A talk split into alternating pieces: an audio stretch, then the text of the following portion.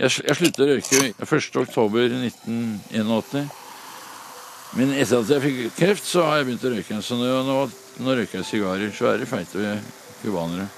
Så, så i festen min så skal det også være sigarer. Det det, må det være. Det må, det må man få lov til. Og festen Arne her snakker om, den handler om at han snart skal dø. Han vil snakke om det, han vil markere det. Han vil gjøre det til ei mimrestund med champagne og sigarer. Du møter han i denne sendinga, Arne. Margrethe Nåvik heter jeg. Vi har eh, mye annet fint på lageret òg. Bli med når vi henter det fram i timen som står foran oss og venter på godt innhold. I glassene er det sprudlende champagne, og rommet lukter av de mange bukettene med roser som har blitt kjøpt inn. Overalt går festpynta mennesker, nesten som i et bryllup. Sånn ønsker Arne Sveen å dø. Omringa av menneskene som han elsker, og som elsker han. Og sammen skal de mimre før hans siste farvel.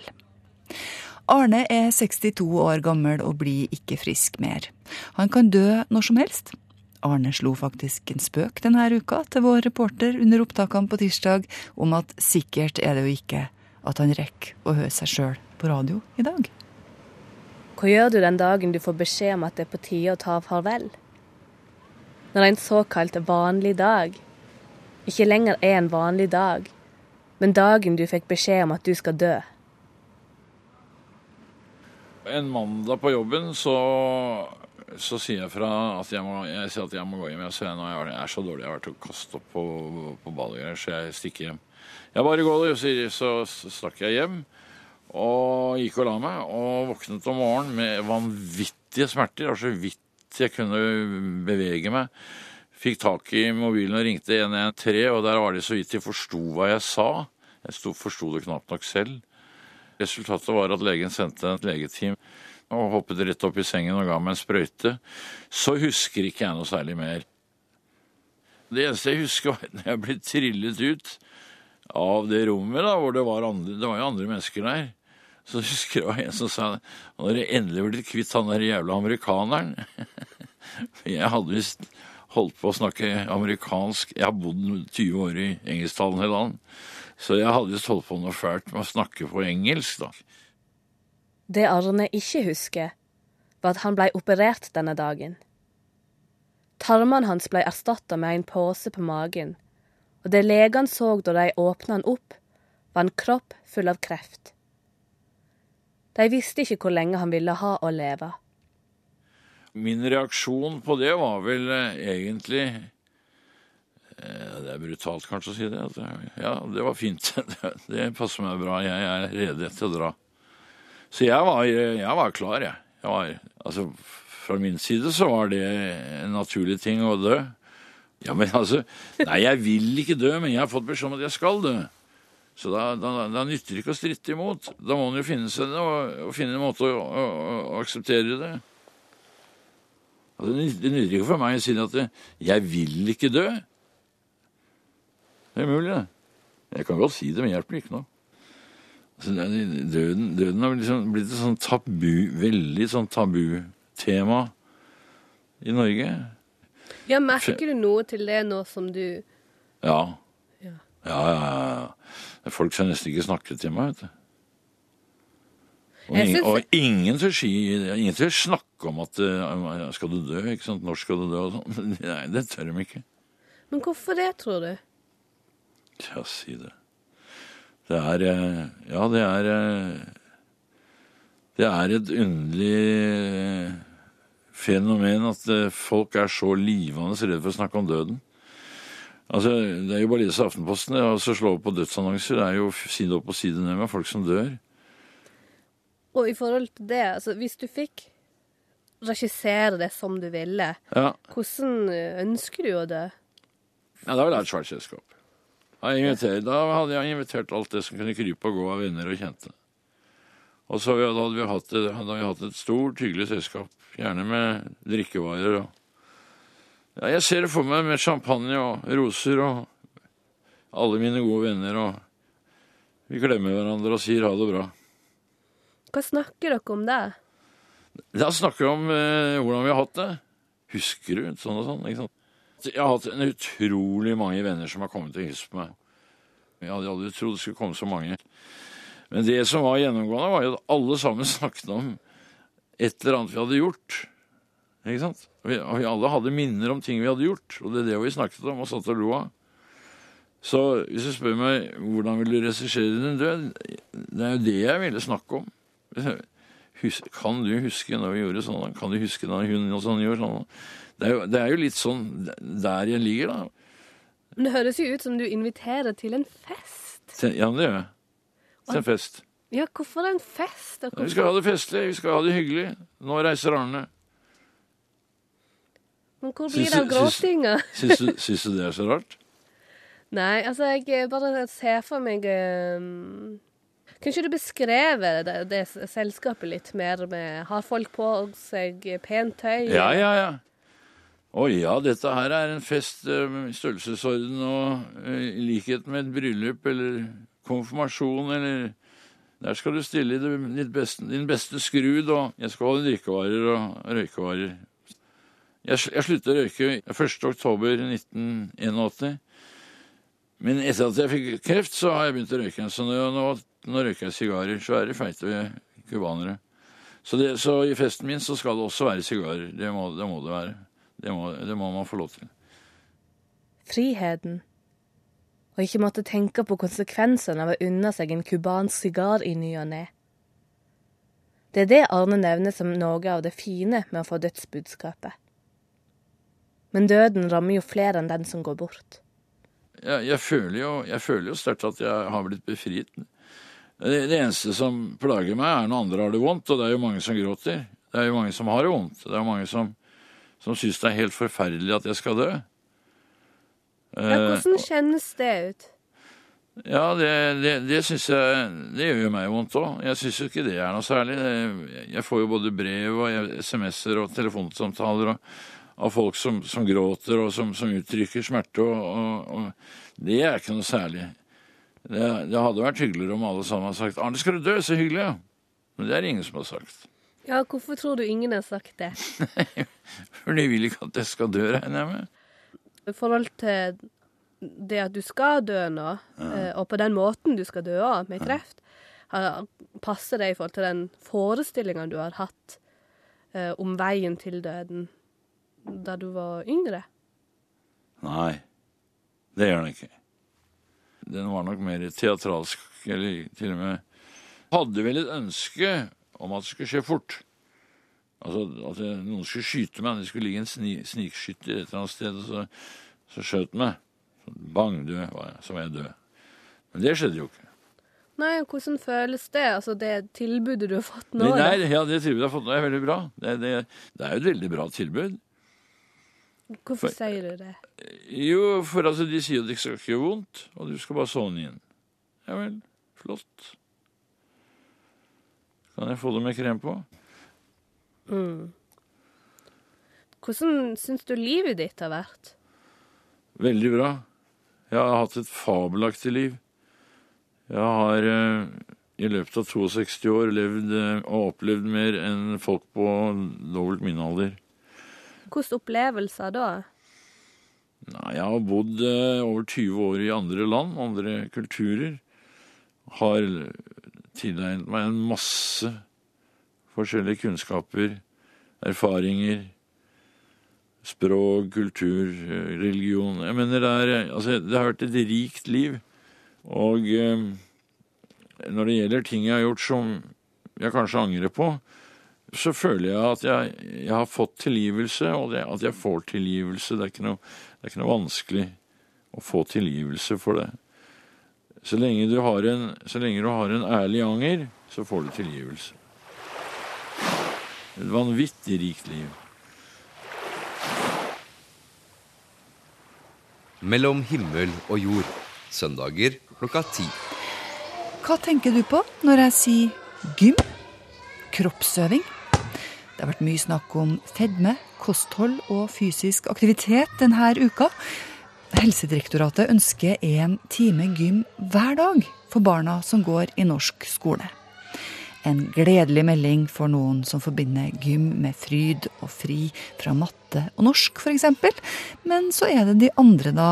Dem som krymper seg bare ved tanken. Hva gjør vi med dem? Vi tar en tur ut i verden og spør hvordan har eller hadde du det i gymmen på skolen? Mm, veldig bra. Hva liker du best, da?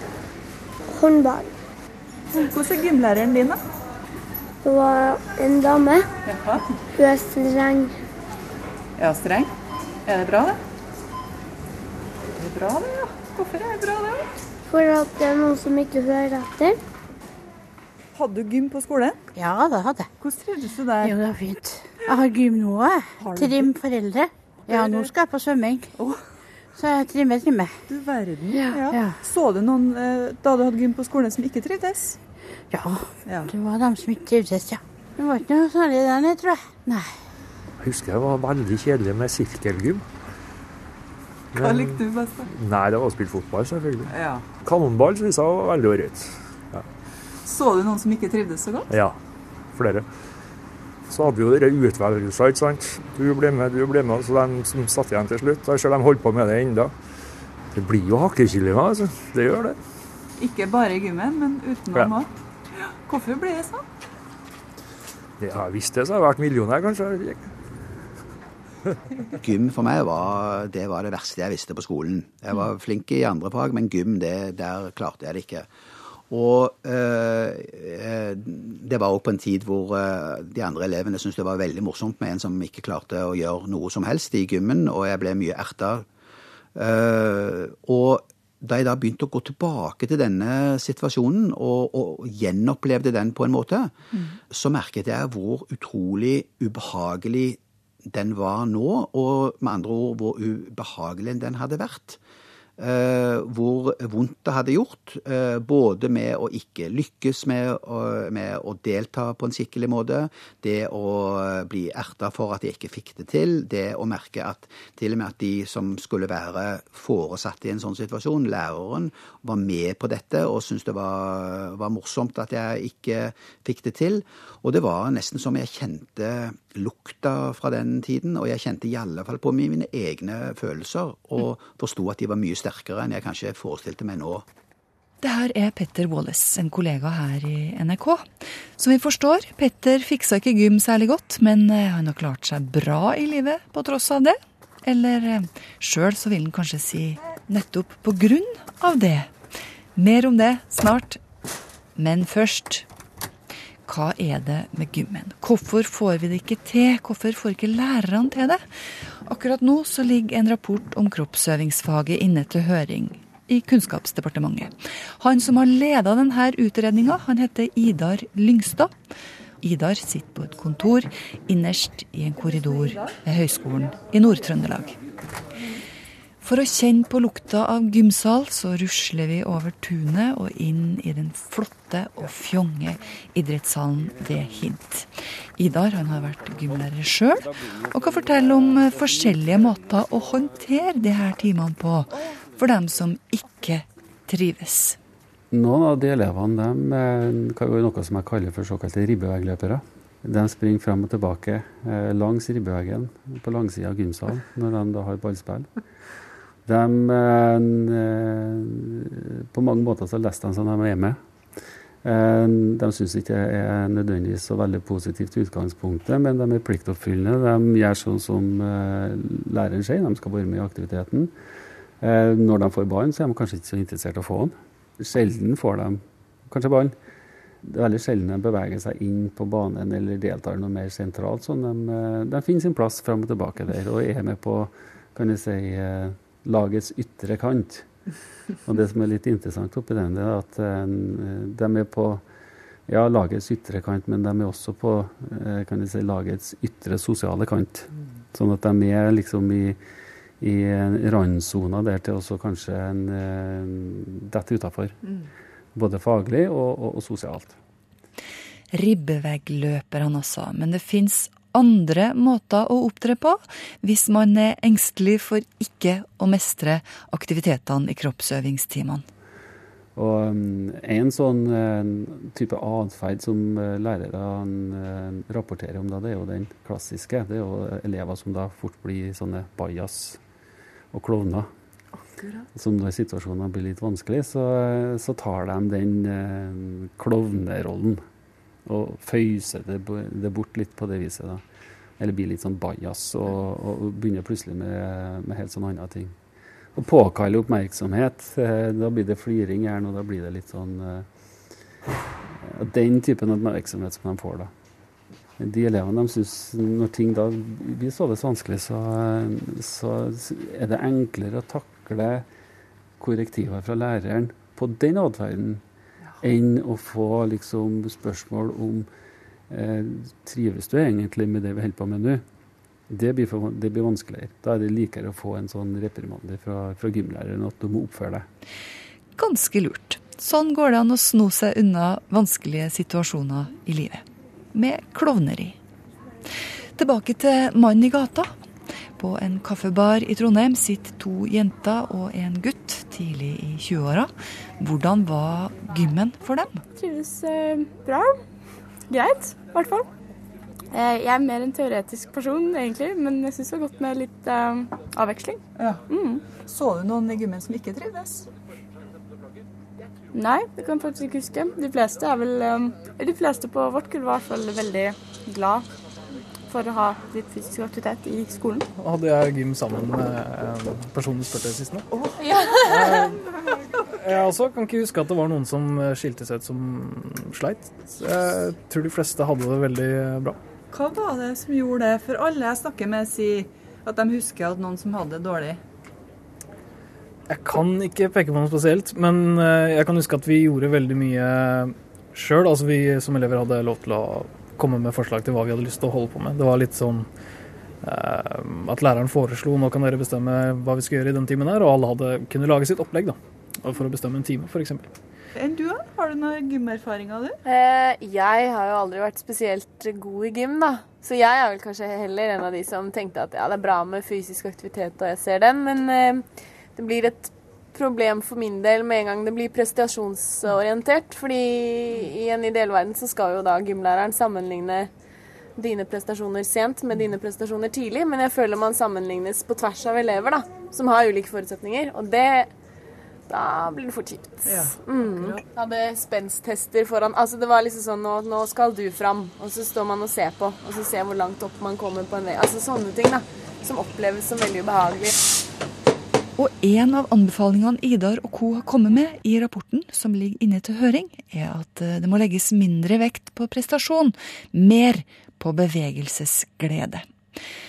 Han har snakka om eh, ribbeveggløperne, Idar. Og vi har hørt om eh, dem som håndterer vanskelige situasjoner med tull og tøys. Men hva med dem som trives? Dem som beveger seg midt på banen, som er bortpå ballen ofte, og som gjerne bestemmer. Hvem er dem? De som dominerer? Ja. De er jo veldig glad i å holde på med aktivitetene. Så de, eh, så de vil jo gjerne eh, delta og involvere seg så mye som mulig. Altså, de vil jo gjerne ha ballen hele tida. Mm. Og, og, og, tenker jo på vegne av kan si, til laget, sånn at uh, de vil gjerne skåre flest mulig mål. Og vinne kamper. Mm. Det er den drivkrafta. De, de, er utrolig en, iherdige i gymtimene, og dem er det mange av.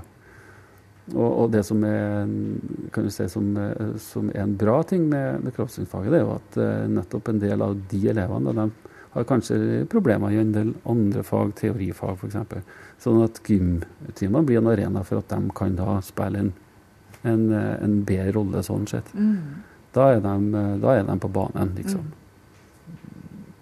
En, en, kan jo spille på dem som en, som en ressurs, selvfølgelig kan en det. Men altså, jeg tror nok det at for at dem som da er ribbevegløpere skal komme på banen, så, så, så må du uh, kanskje ta dem litt unna og, og, og Eh, legge opp til mindre eh, farlige situasjoner. sånn sett. Altså det enkle spill og, og øvinger som kanskje ikke er så vanskelig å få til. da.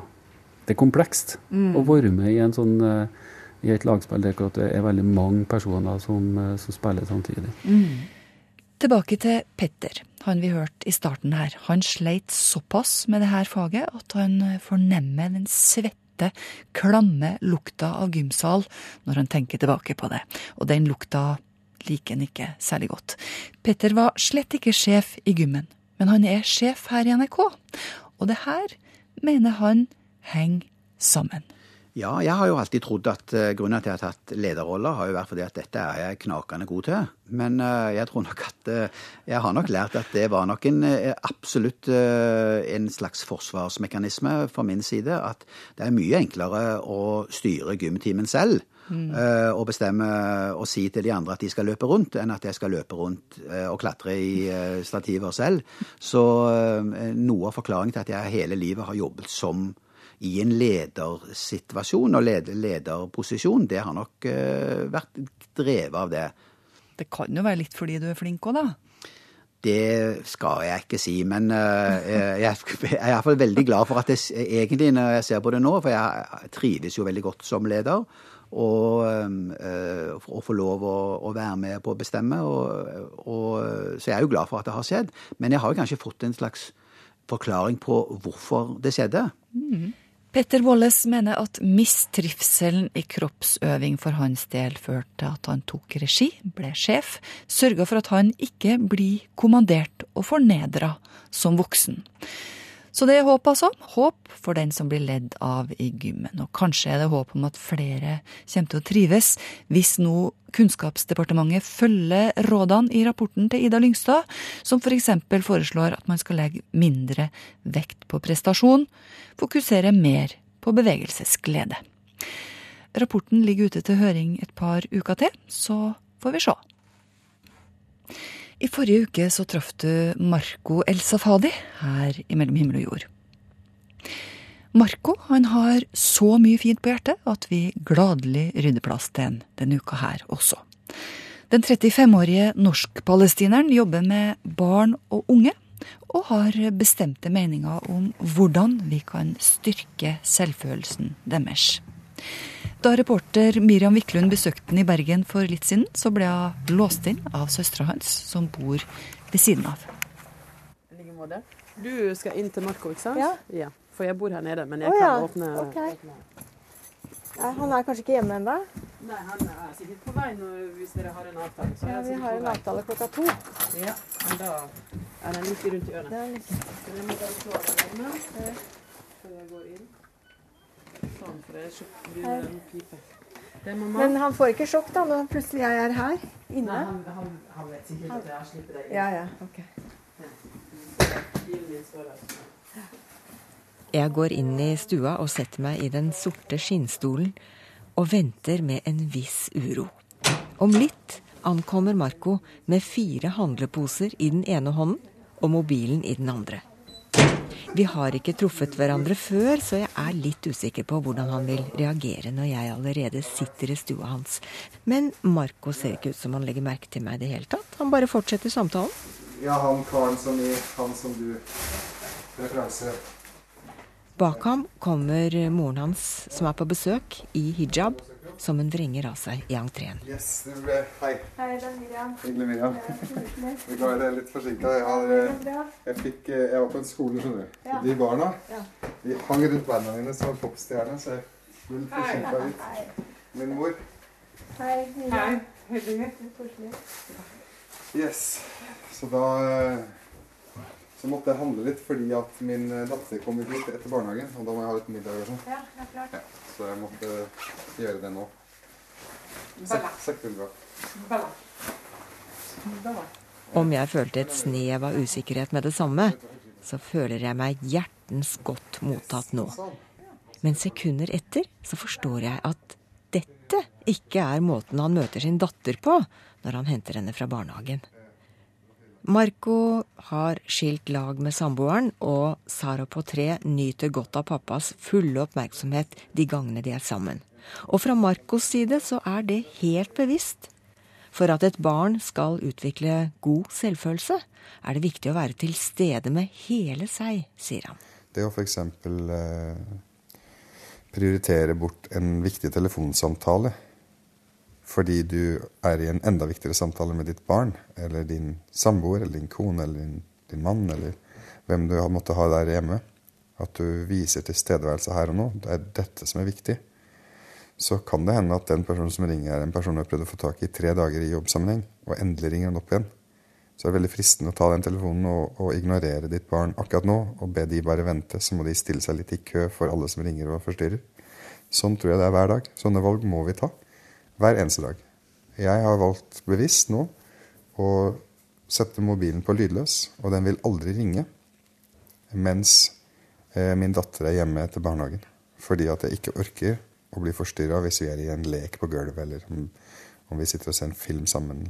Så skal ikke den telefonen forstyrre min tilstedeværelse. Og barn registrerer veldig fort om du forsvinner vekk, og tilstedeværelsen blir borte og, og havner en annen plass enn her. Og det tror jeg mange foreldre trenger å huske på.